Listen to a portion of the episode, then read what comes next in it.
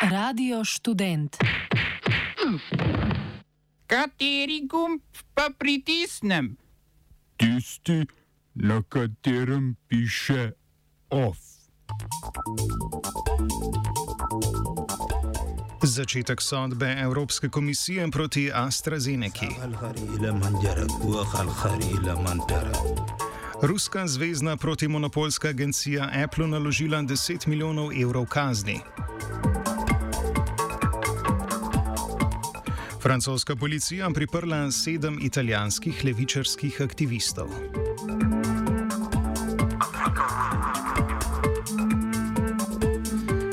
Zdaj pa teoretiki zarod na ostrite ušesa. Bruselsko prvostopensko sodišče je pričelo soditi v primeru Evropske komisije proti švedsko-angliškemu podjetju AstraZeneca. Teoretiki zarod lahko sedaj nehajo poslušati, saj bodo sicer le razočarani. Evropska komisija namreč ne toži AstraZeneca zaradi krvnih strtkov, gejcovskih 5G sledilnikov in ostalega zarotniškega balasta, temveč zaradi nespoštovanja pogodbenih dolžnosti.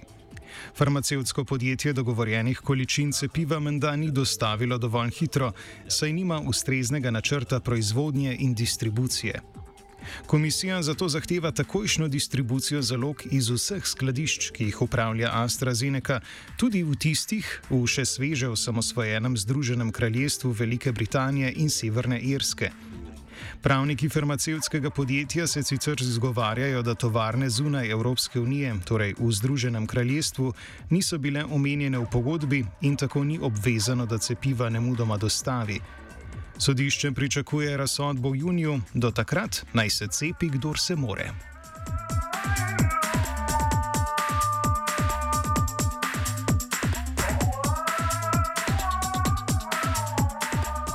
Medtem ko se Evropska unija bori proti farmacevtskemu podjetju, se Rusija bliža epilogu sodnije z vodilnim informacijsko-tehnološkim podjetjem na trgu Apple. Ruska zvezdna protimonopolna agencija je ameriškemu podjetju naložila nekaj več kot 10 milijonov evrov kazni zaradi kršenja pravil konkurence, saj v svoji trgovini z aplikacijami daje nekonkurenčno prednost svojim izdelkom. Tožbo proti jabolčni tovarni, ki je najbolj znana po pametnih telefonih, je sprožilo rusko podjetje za informacijsko zaščito Kaspersky Lab in sicer predvsem zaradi nekonkurenčnosti ruskih aplikacij, ki omogočajo starševski nadzor nad uporabo.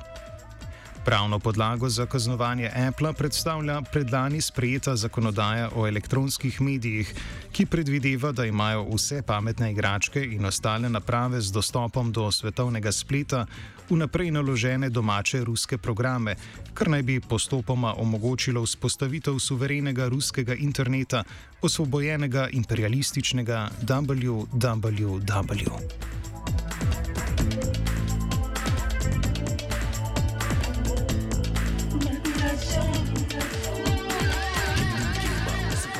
Ruska federacija ni le v informacijskem sporu, temveč ima odprto bojišče tudi na svoji zahodni fronti. Potem, ko so alpske države in Slovaška v znak solidarnosti s Češko poslale ruske diplomate tja, odkuder so prišli, je Rusija vrnila Milo za drago in izgnala štiri diplomate Estonije, Litve in Latvije ter tri slovaške diplomate. Ozadje diplomatskega obračunavanja na Evropskem vzhodu predstavlja obtožba čeških varnostnih služb, da je Rusija odgovorna za eksplozijo v skladišču orožja na vzhodu Češke leta 2014.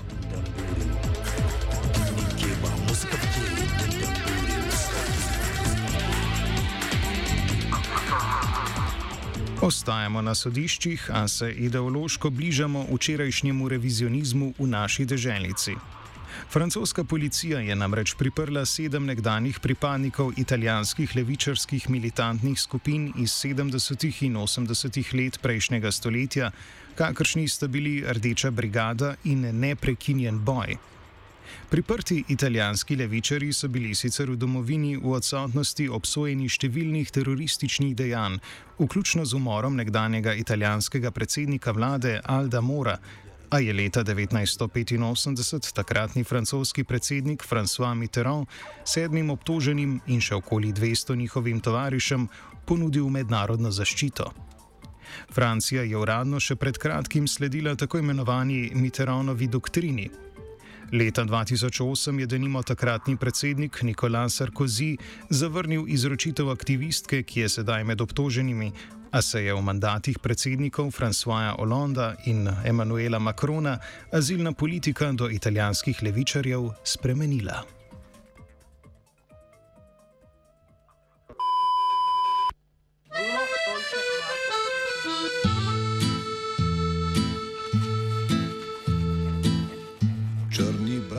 Za uporniške junake je nekaj besed na včerajšnji proslavi ob dnevu Osvobodilne fronte na Mali Gori pripravil tudi slovenski minister za gospodarski razvoj in neoliberalno revolucijo Zdravko Počivalšek. Citiramo. Spoštovani, v čast mi je, da sem danes tu, kjer so se začeli zametki naše avtonomnosti, zametki pokončne drže kjer so Giorgio Pietro Stefani, Marina Petrelo, Roberta Capelli in Sergio Tornagi pokazali, kaj pomeni veličina človeka. Da se ta ne meri v številkah, razmerih moči ali rezultatu, ti štirje junaki so postavili normo človečnosti in domoljubja, katero je težko doseči, kaj šele preseči. Ta se meri v strasti, veri in žrtvovanju. Ta se kaže v sposobnosti, da človek postavi dobro družbe pred svoje dobro, pred svoje življenje. Da se bori za načela, ker v nasprotju z njimi enostavno ne more živeti.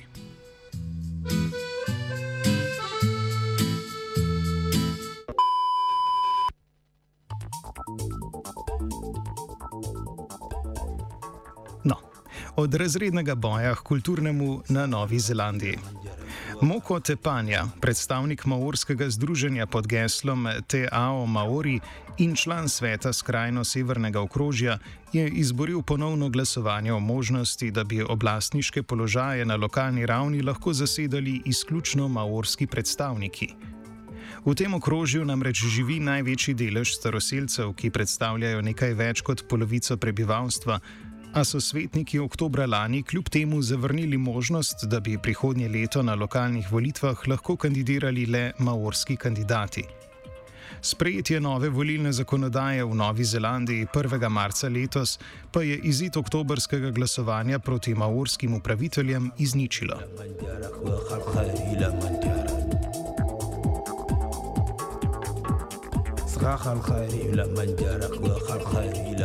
Če ugotovimo, da je Albanija za nekoga zahodna država, lahko ponovimo zimzeleno geslo prebivalcev vzhodne Evrope. Na zapadu ništa novo.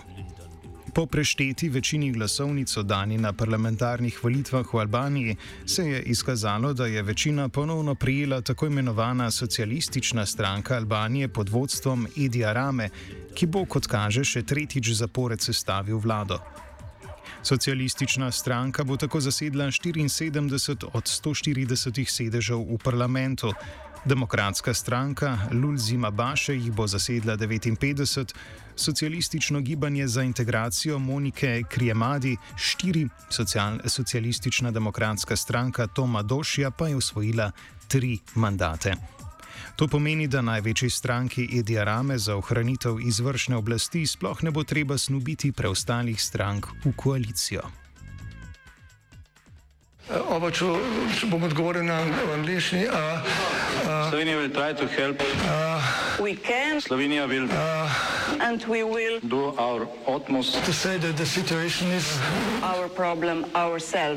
In da bomo naredili nadaljnje korake, as soon as the conditions are. Bomo vlado Marjana Cererja, Marjana Cererja Šarca podprli. Zelo, zelo resno. Slovenija. We know how and we will. Državni ponudnik televizije Telekom si je po včerajšnjem vladnem revizionističnem praznovanju Dneva Osvobodilne fronte omislil ideološko reorganizacijo televizijske scheme. S 24. majem Telekomovi uporabniki s TV Dalincem ne bodo mogli več hitro preklopiti na programa v lasništvu ProPlusa, Pop TV in Kanal A.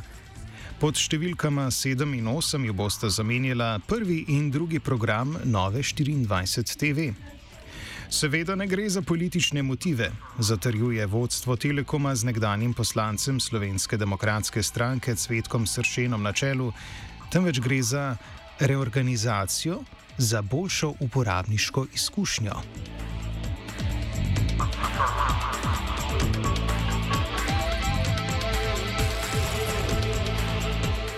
OF je pripravil Virant.